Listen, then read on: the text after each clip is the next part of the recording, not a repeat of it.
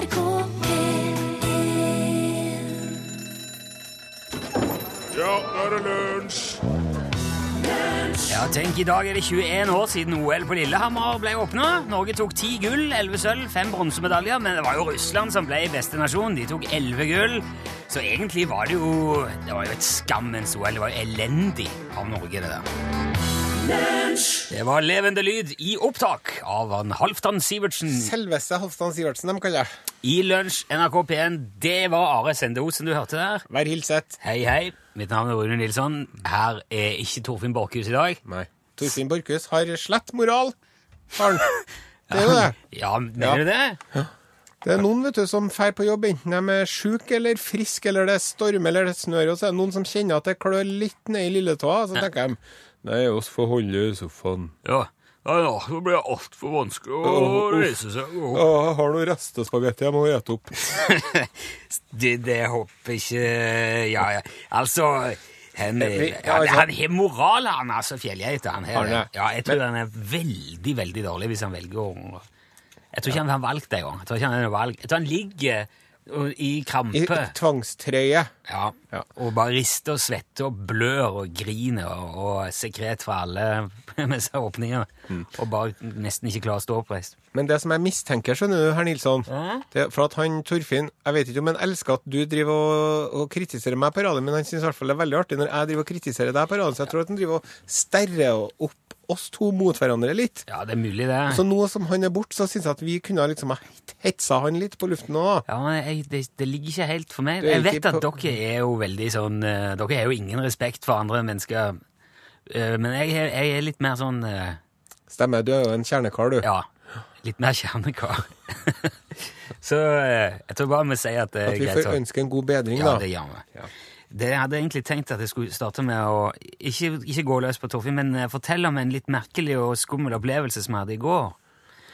For da jeg gikk hjem fra jobb, så var jeg, da var jeg i veldig, veldig godt humør. Ja. Det var blå himmel, det var klart i lufta, og jeg følte meg lett til sinns, nesten litt yr. Og jeg gikk og hørte på en podkast som heter Prairie Home Companion, som handler om en fiktiv liten by som heter Lake Warbegon i Minnesota. Der bor det en gjeng snodige norskamerikanere, og det var vår i Lake Wobegon når jeg hørte på i går. Trærne blomstra, gresset var grønt. Og det var bart på bakken der jeg òg gikk. Snøen og isen i Trondheim har regna bort den siste uka, så nå er det bare all grusen, skitten og søpla igjen i gatene. Og det er jo litt Det var til og med sånn at eh, gata rakk å bli tørr i Ja, går. såpass. Ja, det ble lys. Asfalten ble lys. Føltes herlig å kunne gå rundt uten brodder på skoene. Men så kom jeg fram til huset mitt hjemme, og det var der det skjedde. da. Jeg var på vei mot uh, porten, og så fikk jeg plutselig problemer med å se klart. Åh. Ja, det var som om hele synsfeltet ble liksom fløyt ut i en grøt, og det, det ble det var nesten så det stakk i øynene. Og jeg tenkte, hva er dette? Hva er det som skjer? Er det, jeg holder jeg på å bli blind? Er det hjerteinfarkt? Du blir jo, sånn, blir jo litt engstelig med en gang. Så kikket jeg opp og litt til siden, og da, da skjønte jeg hva det var. Det var sola! Å ja, ja, nettopp. Det var solskinn! Ja. Jeg, jeg ble rett og slett blenda av solskinn. Og det er så lenge siden jeg har blitt blenda av solskinn at jeg hadde glemt hvordan det er. Jeg ble redd. Jeg ble engstelig og stressa av det. Men eh, da, når jeg skjønte hva det var Ja. For jeg har jo erfart, jeg husker jo. Husker da kom jeg jo på at Det var en eh, dag i juli at det var fire ja, her i ja, ja, ja. Og da var det som å se en gammel venn som har vært ute og reist kanskje i månedsvis, har vært på loffen i Thailand eller et eller annet, og plutselig står foran deg og smiler og sier 'hei'!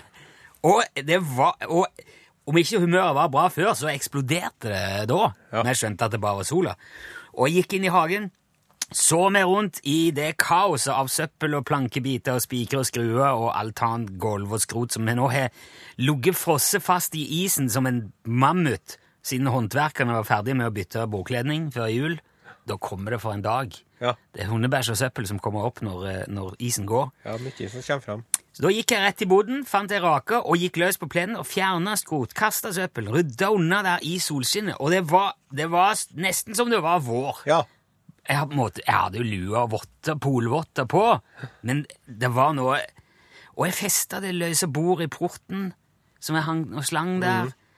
Rakte parkeringer. En sånn handyman, du, Ja, liksom. og jeg liker å ha det litt ordentlig i hagen, ja. Ja. Det gjør nå du òg. Ja, ja. Ja. Eh, etter en liten time ute i hagen der, så var nesten, det var nesten som det var til normalen. Plenen var liksom fin, og når du raker opp gresset, så blir den liksom fin i fargen òg, vet du. og Akkurat som det levde litt der, og det føltes helt fantastisk. Jeg tror ikke jeg har vært så oppstemt siden september i fjor. Nei. Det Og er veldig deilig at det blir lysere og lysere for hver dag som går, altså. Og så når jeg sto opp i morges, da, så gleda jeg meg til å spasere på jobb igjen.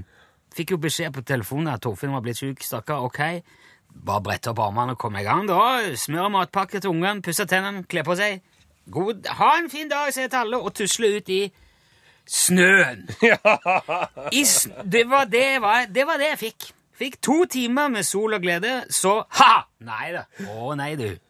Men det håpet som ble tent der i løpet av de to små timene i går, det kan eh, ingen eh, ta fra meg. Så bare snø, du! Jeg har sett sola, jeg, og, og jeg lar meg ikke knekke nå. Februar Vet at den er. Nei, februar er kort. Og så kommer mars, og så kommer april, og så kommer åh, mai. Åh, mai.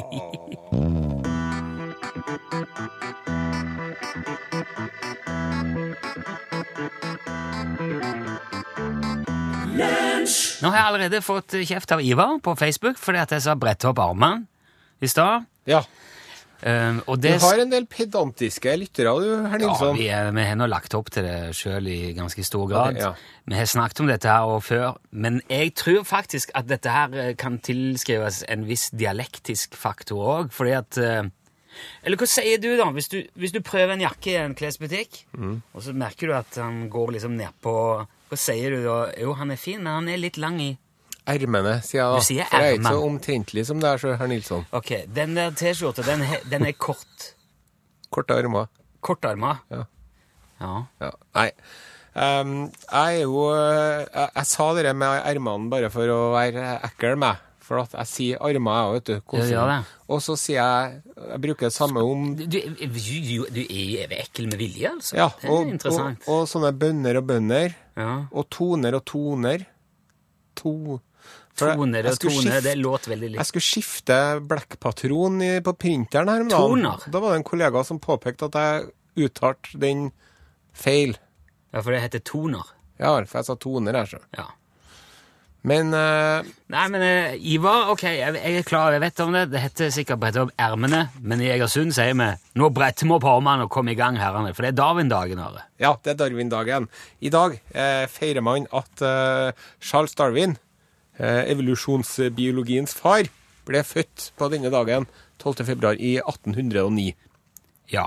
1809. Ja. Ja. Jeg har jo eh, utrolig mye artig å fortelle om, men eh, Charles Darwin, hvis du har lyst til å høre ja, veldig gjerne.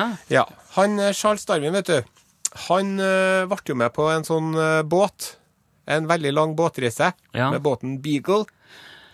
Da på Galapagos. Ja, det var han. Det er det som er mest kjent. Ah. For han oppdaga at eh, finkene på Galapagos hadde veldig forskjellig utseende. eh, og var, det var liksom det som satte han på sporet på at eh, vi driver og utvikler oss over tid, da. Ja. Naturlig utvalg, naturlig seleksjon. Ja, ja. Ja. Og det var jo en teori som han satt og holdt på i 20 år nesten. For han var så redd for hvordan det der kunne bli mottatt. Og, Han var så oppvakt, ja. Ja. For det ble vel eh, mottatt med litt blanda Ja, de eh, drev jo og tegna han som en ape, og han ble jo eh, omtrent lyst i bann av kirken. Ja. De brukte jo et par hundre år på å be om unnskyldning, den engelske kirka. Ja, ja. For de tilta jo helt, vet du. ja, men Det undergraver jo veldig mye av det som de har påstått lenge. da. Ja, det gjorde jeg, vet du. Eh, han Darwin, han, han, eh, han var sjøsjuk Når han var på, på, på den båten, så mesteparten av tida prøvde han å være på land. Så når de andre seilte rundt eh, typen av Sør-Amerika, så gikk han over. Og så tok de og plukka opp en, og så fort han kunne, så for han i land, for at han, han likte ikke å være om bord på skuta. da. Veldig dårlig utgangspunkt for Og så var det bare så vidt han fikk være med på den der The Beagle òg. Og vet du hvorfor det var?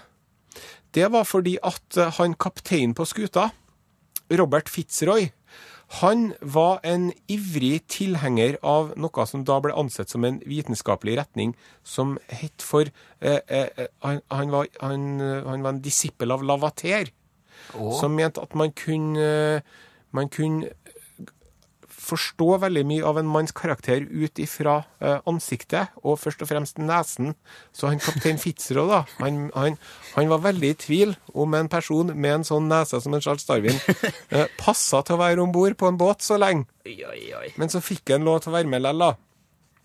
Men det er sikkert, han har jo sikkert fått rett i det til en viss grad hvis han måtte slippe han av på Ja. ene sida og hente han på andre. Ja.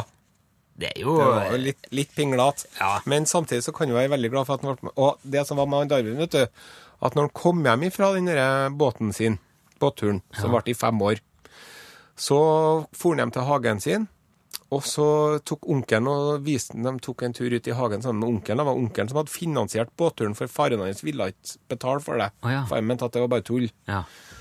Og han skulle egentlig bli lege, men så tålte han ikke synet av blod. For han ble svimmel og uvel hvis han så blod, så han kunne jo ikke bli lege. Hun pyser hele dagen. Ja, ikke tåler han å være på sjøen. ikke tåler... Men han var tøff for seg. Men så, så var jeg med, og så var jeg med i hagen, så så de at oi, her, var det, hadde jo, her hadde onkelen hans hevet masse skrot og rask for noen, noen før han dro, og nå var det, alt var dekt av jord. Så tenkte jeg på hva er det som har gjort det? Ja, det må jo være mark, fant de ut. Og så ble han så utrolig opptatt av mark. Og han drev og forska på mark i 40 år, gjorde han, han Darwin. Og han drev og sjekka eh, hva slags mat de likte best. Da la han ut mat til dem. Men så la han maten oppå små sølvpapirbiter, sånn at de ikke bare skulle liksom komme rett opp, men at de liksom skulle føle seg fram til maten. da. La fram flesk og kjøttbiter og kirsebær og you name it. Og oppdaga at de foretrakk eh, fett framfor kjøtt. Og at de eh, likte noen typer mat bedre enn andre. da. Så at han antok at de fant glede i å spise. Ja. Og så drev han og, og utsatte dem for uh, lys, og han drev og holdt en glødende jernstang bort med dem for å se om de drev og for vekk. Og så har de ikke ører, marken, vet du. Nei. Men så drev han og sjekka ut hørselen deres likevel. Så drev han Hei! Sitter og roper på marken. Og det hadde ikke noen effekt. Men så satte han blomsterpottene med mark oppå piano, og da ble det action. Ja, vibrasjon det. Nettopp. Vibrasjoner. Og så drev han og så, for at eh, han la merke til at Mark drev og tetta igjen eh, eh, inngangen til de små gangene sine med blader, Ja, for å minske trekken. Antakeligvis da for at det ikke skulle bli kaldt til De kan bli forkjøla òg, altså. Ja, hvem vet. Og da eh, oppdaga han det at de, at de som oftest dro bladene etter tuppen av bladet, og det er den smarteste måten å gjøre det på, da. Ja. Eh, Men så hadde han noen eh, potter med mark som han satte inn i et varmt rom. Og de markene der, de gidda ikke å begynne å tette igjen hullene til, til gangene sine. Nei, For de ble, de late og giddesløse. Mens hvis en satte dem ut når det ble kaldt, da ble plutselig Nå er 72 av bladene alle sammen trukket inn der de skal være. Så fascinerende. 40 år holdt han på med det, I 40 år, ja. og eh, han markeres i dag. Det var interessant. da. Takk, Takk for det. Vær så god. Lunsj, radiogram 73, 88, 14, 80 Sitter du og tramper? Du sitter og tramper, ja. Jeg hørte en dunkelyd. Det var det vi gjør. Eh, Vi har jo et, et telefonnummer du kan ringe når som helst. 73 88 14 80. Og si hva du vil, spør om hva du vil, ytre hva du vil, og så frem til ikke tramper noen på tærne eller er utilbørlig, så kommer det på radioen. Det er Espen fra Majorstuen igjen. Hei! Eh, det heter ikke én pins, én tanks eller én luer. Eh, si det til Torfinn. Han kom til å si caps her forleden. Det er Jeg går ikke med to luer på meg. Det må du få frem. Ha det bra. Ellers bra program. Ha det bra fra Majorstuen. Ja. Dette her er en, eh, dette er en klassiker. Det er en klassiker. Den har vi vært innom uh, før, men eh, eh, det, kan, det er helt greit å ta det igjen, for eh, det heter det. Det heter caps. Ja, det gjør det, og det heter ikke én tanks, men det heter stridsvogn. gjør det. Okay. Og på norsk så heter det altså én caps. Det er o- oppkalt etter flertallsformen av det engelske ordet for lue. Ja, det heter jo pins. En pins. Ja. Det husker jeg veldig godt fra rundt OL på Lillehammer-tidene, som jo faktisk er 21 år i dag siden OL åpnet. For da var det veldig mye pins. Og folk sto med rallarhattene sine og solgte og bytta. Og man skulle jo bli millionær på det der. Er kjempemillionær! Det ble jo en slags boble, vil jeg si. Pinsboblen brast. ja. Pinsboblen som brast. Men det, det ble nå bestemt av Språkrådet, gjorde ikke det? det Jo, jeg tror det. Så. Og grunnen til at en Borchhus kalte det for keps, det er jo for at han bruker å si det på folldalsk. Han bruker å si snipphue, han, vet du. Ja, ja, Så derfor så var han litt sånn på sånn gyngende grunn i utgangspunktet. ja. Og capsen min. Med skyggeløe på dansk kalles blant annet kaskett. På svensk skjermmøssa, vegamøssa, keps og kepa. På tysk Hva har opp tysk, ja? Skirmmutse! Ja. På engelsk baseball cap, peaked cap, visor cap og flat cap. Men på engelsk sier de vitterlig ikke 'give me my caps'. Da må, du, da må det være flertallsform. Og Så det er jo, et, det er jo en ironi der. Så av og til på internett så driver jeg og ser sånne folk som er på De er eksempel på en håndballkamp eller fotballkamp eller baseballkamp eller noe sånt, og så har de på seg en baseballcaps. Og så har de en feil vei, og så skinner sola i ansiktet, og så sitter de med hånda over skyggen for, vet du. Det med skyggen med det skyggen på. Der er, der er, en liten, der er et lite spørsmål til her, som jeg tenker kanskje du kan eh, si noe om. Ja, vi kjører på. Hei, jeg er fra Arendal. Hallo? I dag trenger jeg litt hjelp på vitenskapsavdelingen deres. Jeg sitter her på Rådhusbrygga og så lurer jeg på hvordan man måler en ør. Altså det som staves ØR. Er det et tidsperspektiv, eller kan det måles med mikrometer? Måles det med lys i vakuum? Jeg har aldri sett en ør. Jeg har lurt på det her en stund, men kun en ørliten stund. Hei. Hei, hei. Hei. Er det fiffig? Ja. Et ørlite spørsmål der. Ja. Eh, bokmålsordboken forteller oss at ør det er eh, opphav samme ord som ur. Ur.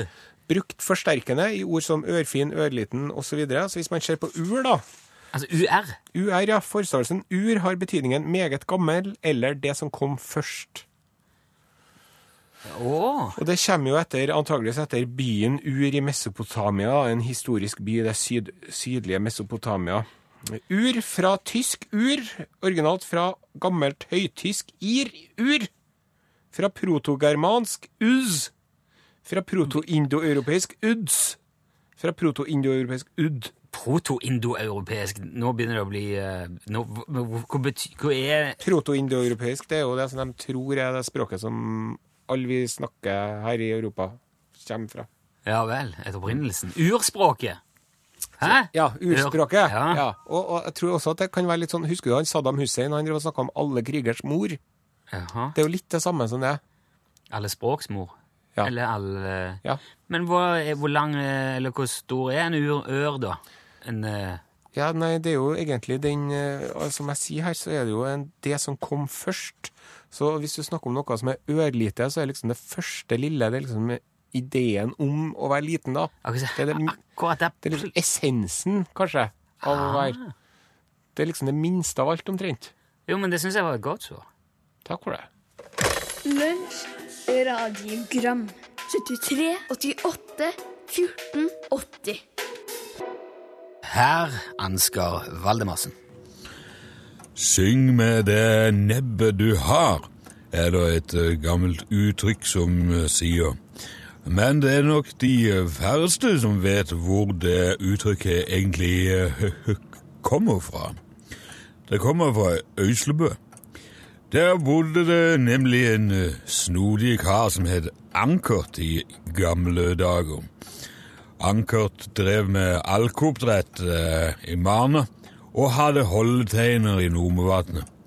Og i sommerhalvåret reiste han rundt med kj- kj- kjerra si og solgte kokte alkeføtter og saltsprengte kjellerdører langs hele sørlandskysten. Ankert var et kjent syn helt fra Farsund til Lillesand, men det var først og fremst ikke fordi han hadde så gode alkeføtter. Det mest påfallende med Ankert var uten tvil nebbet hans. På den tida var det slett ikke vanlig at mennesker hadde nebb i det hele tatt. Det er vel på mange måter ikke, helt vanlig i dag heller, men det var i alle fall kuriøst den gangen. Ankert var i liten grad plaga av, av en ne- nebbet sitt der han skrangla av gårde langs veiene i kjerra si, mens ungene løp bak og hoia og ropte. Noen ganger kunne han til og med reise seg opp i vogna og kvekke litt til ungene, og da ble det jo masse lille latter og levende. Han hadde både godt humør og kunne tåle en vits og en fleip på sin egen eh, bekostning. Det eneste man kunne merke på han, sånn utenom det rent visuelle, var at han hadde veldig vanskelig for å si O. Det er rett og slett ikke mulig å lage trutnebb, så Anker prata jo på en litt eh, snodigere måte enn folk uten nebb. Men det var folk så vant til at ingen la det særlig på minnet. Det skulle jo nesten bare mangle, var det en sildehekler fra Søgne som sa i gang, og det hadde han jo vitterlig rett i. Mm. Men det folk flest ikke visste om Ankert, var at han hadde en aldeles nydelig eh, sangstemme. Han hadde et fabelaktig register og en røst så myk som fløyel, og det gikk rykter om at han enkelte ganger kunne stemme i de nydeligste arier når han trodde det ikke var noen i nærheten. Og derfor var også spenningen stor da Ankert plutselig troppa opp i den årlige sangkonkurransen på Fesjå i Lyngdal et år. Og der kom det jo folk fra nær og fjern, og slett ikke alle hadde sett en mann med en nebbe før. Men Ankert lot seg ikke affisere, og gikk opp på scenen og proklamerte at han skulle synge Asalmie. Det skulle jo være O Mio, men på grunn av nebbet kom det ut på den måten, og det var ikke få på Fesjå som slo opp latterdøra da Anker prata. Men da han begynte å synge, var det som et lass med knappenåler falt i bakken. Hele Fesjå i Lyngdal sto bare måpa gjennom hele Asalemia, og da han var ferdig og applausen endelig la seg og fruene i Lyngdal sto og tørka tårer, da ropte auksjonariusen til den forbløffa folkemengden ja, det gjelder å synge med det nebbet man har. Og det tror jeg vi alle sammen kan ha riktig mye å lære av.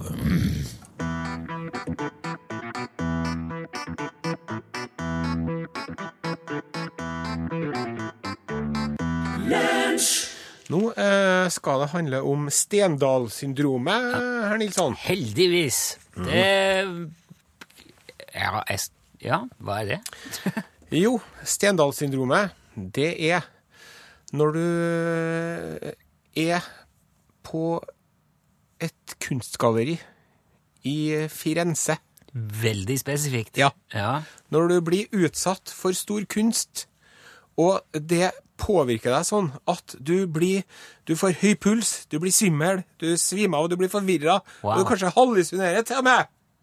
At du blir utsatt for den, den mektige kunstopplevelsen rundt deg, og at du kanskje rett og slett må legges inn. Og det her er ikke noe som jeg har funnet på heller.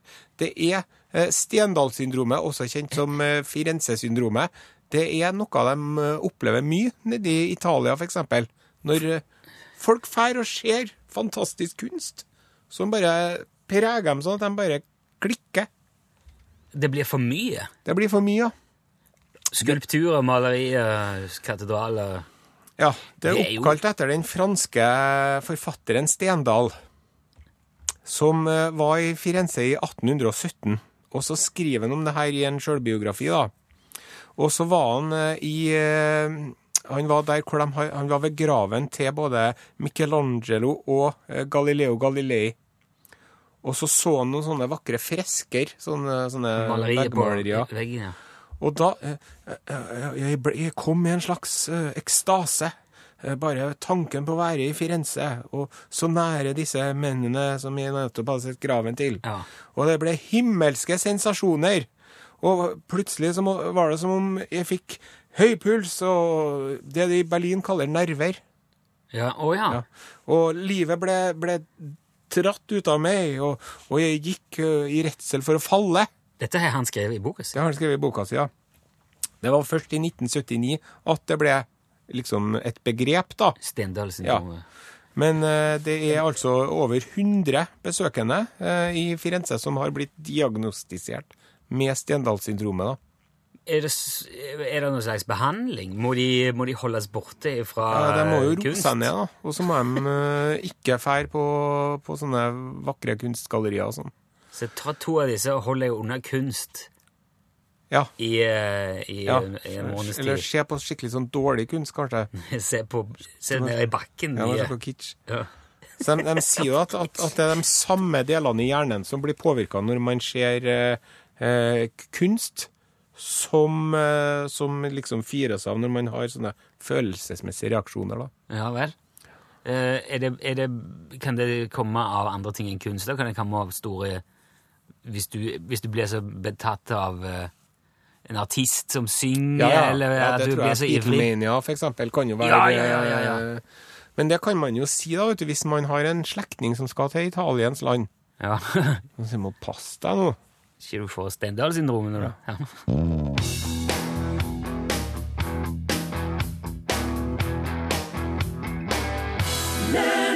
I går drev jeg snakka litt om sure naboer her, Are. Ja.